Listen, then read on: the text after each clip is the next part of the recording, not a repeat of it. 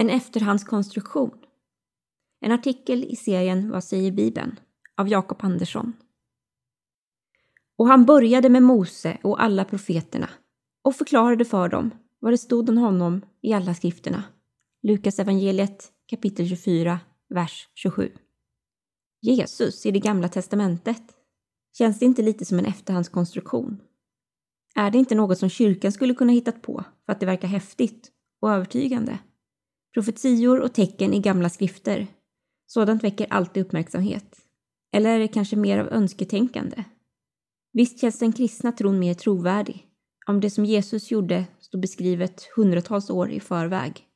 Så därför vill vi gärna att det ska vara så. Men är det rätt att tolka texterna så? Frågan är befogad, absolut. Men det finns faktiskt ett enkelt svar.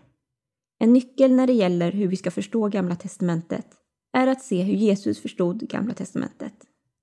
I samtalet med två lärjungar på väg till Emmaus, precis efter sin uppståndelse, är han väldigt tydlig med detta. Han menar att det står om honom i alla böckerna i GT.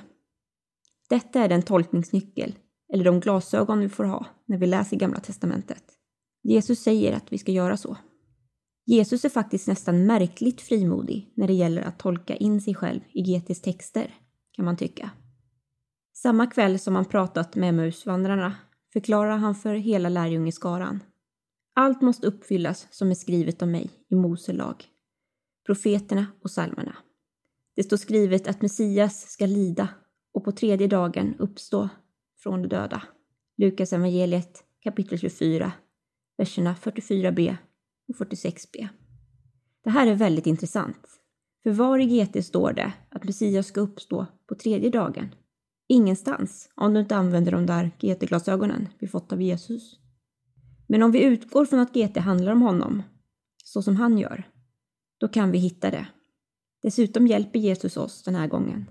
I Matteus evangeliet kapitel 12, vers 40 säger han Liksom Jona var den stora fiskens buk i tre dagar och tre nätter, så ska Människosonen vara i jordens inre i tre dagar och tre nätter. Berättelsen om Jona säger alltså att Messias ska uppstå på tredje dagen. Det känns inte självklart för mig, men verkar glasklart för Jesus. Gång på gång gör både han själv och författarna till Nya testamentet liknande kopplingar. Därför kan vi också frimodigt leta efter och hitta Jesus i Gamla testamentet. Då gör vi som Jesus.